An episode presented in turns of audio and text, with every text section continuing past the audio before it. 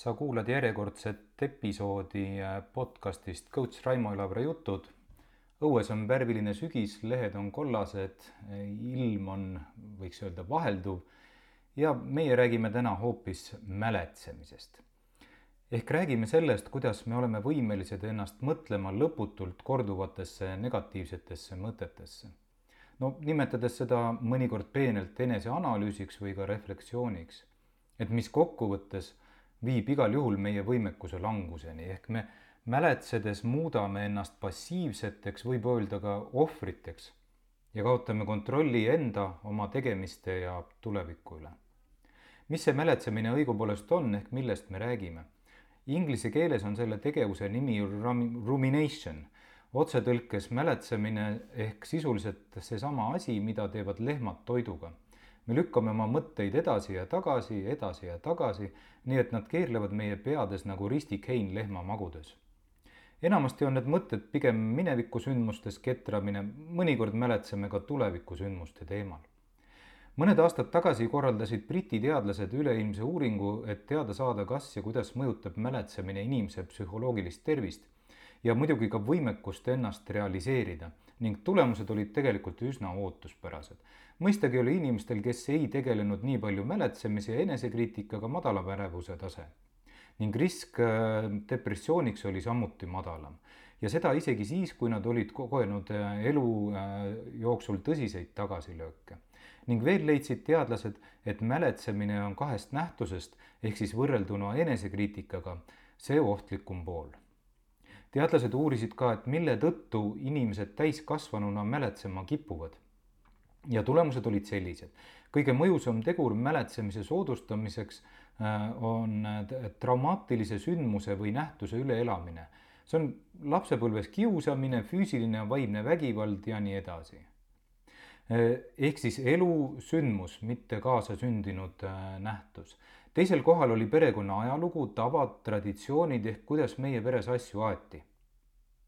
E, ja sealt edasi tulid siis äh, mõjurite või teguritena äh, sissetulek ja haridus ehk noh, teisisõnu öeldes selle puudumine ning siis hetke suhete seis ja sotsiaalne kuuluvus.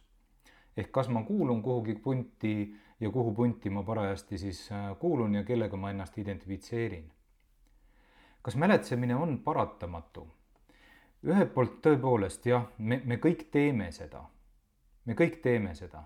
küsimus on pigem selle koguses, sügavuses ja kestvuses. olen tõepoolest näinud ja kuulnud inimesi päevade viisi samu mõtteid ketravat, no aus olles äh, nii-öelda mea culpa olen isegi seda teinud veel enam olen näinud ja kuulnud ka inimestelt samu negatiivseid mõtteid kuude, aastate viisi eh, rääkimas.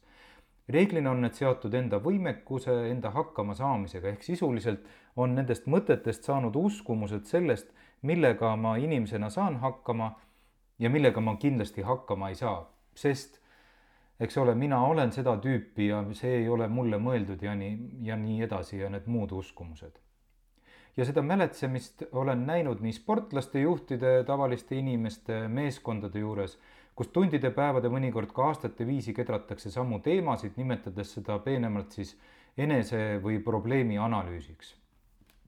mida siis teha? kas sellest mäletsemisest on võimalik äh, hoiduda või, või, või seda lausa vältida? hea sõnum on, äh, on äh, siiski see, et, et mäletsemine tegelikult ei ole paratamatus. me saame iga hetk teha valiku, kas mäletseda või mitte. veel täpsem olles, me ei saa oma mõtteid liiga hästi kontrollida, me ei saa öelda, et mõte ära tule, noh, tegelikult muidugi saame öelda, aga mõte kipub ikka tulema. küll aga me saame valida, mida me teeme, mida me selle mõtte tagajärjel teeme. ehk meie mõtted ei pea ära määrama meie tegevusi. kui me teame neid tegevusi, mis on, viivad meid äh, sihtide poole siis me saame teha valiku nende tegevuste kasuks, olenemata sellest, mis mõtted meil tulevad. mäletsemine viib aga reeglina meid äh, nende tegevusteni, mis viivad meid eemale meile tähtsatest asjadest. ning kui me piisavalt kaua oleme harjutanud end tegutsema hoolimata mõtetest, hakkavad ka mõtted rohkem joonduma sinna suunas, kuhu me tahame, et me oleme oma, et me oma elu ja tegemistega jõuaks noh, üks lihtne test, mis ma mõnikord äh, teen inimestega, on võta üks paberileht, kirjuta sinna peale ära tõuse püsti ja loe seda viis korda järjest ja tõuse samal ajal püsti. ja see, mida sa siis sellel hetkel teed, ongi täpselt see oma mõtete eiramine ehk siis tegutsemine äh, hoolimata oma mõtetest. kui sa oled nagu enamik inimesi, siis tõenäoliselt on sul üsna lõbus tunne.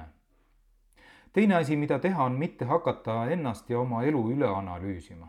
enesereflektsioon on hea asi, kui seda teha mõõdukalt ja, ja mille ainus eesmärk peaks olema see, et saaks paremini edasi minna ülemäärane süvaanalüüs ja, ja reflektsioon võib aga viia kohta, kus analüüs ise isegi muuseas, kui see on ebameeldiv ja, ja tekitab meis äh, äh, mitte kõige paremaid tundeid, isegi äh, muutub, kui see analüüs muutub justkui olulisemaks kui see, miks seda üldse teha.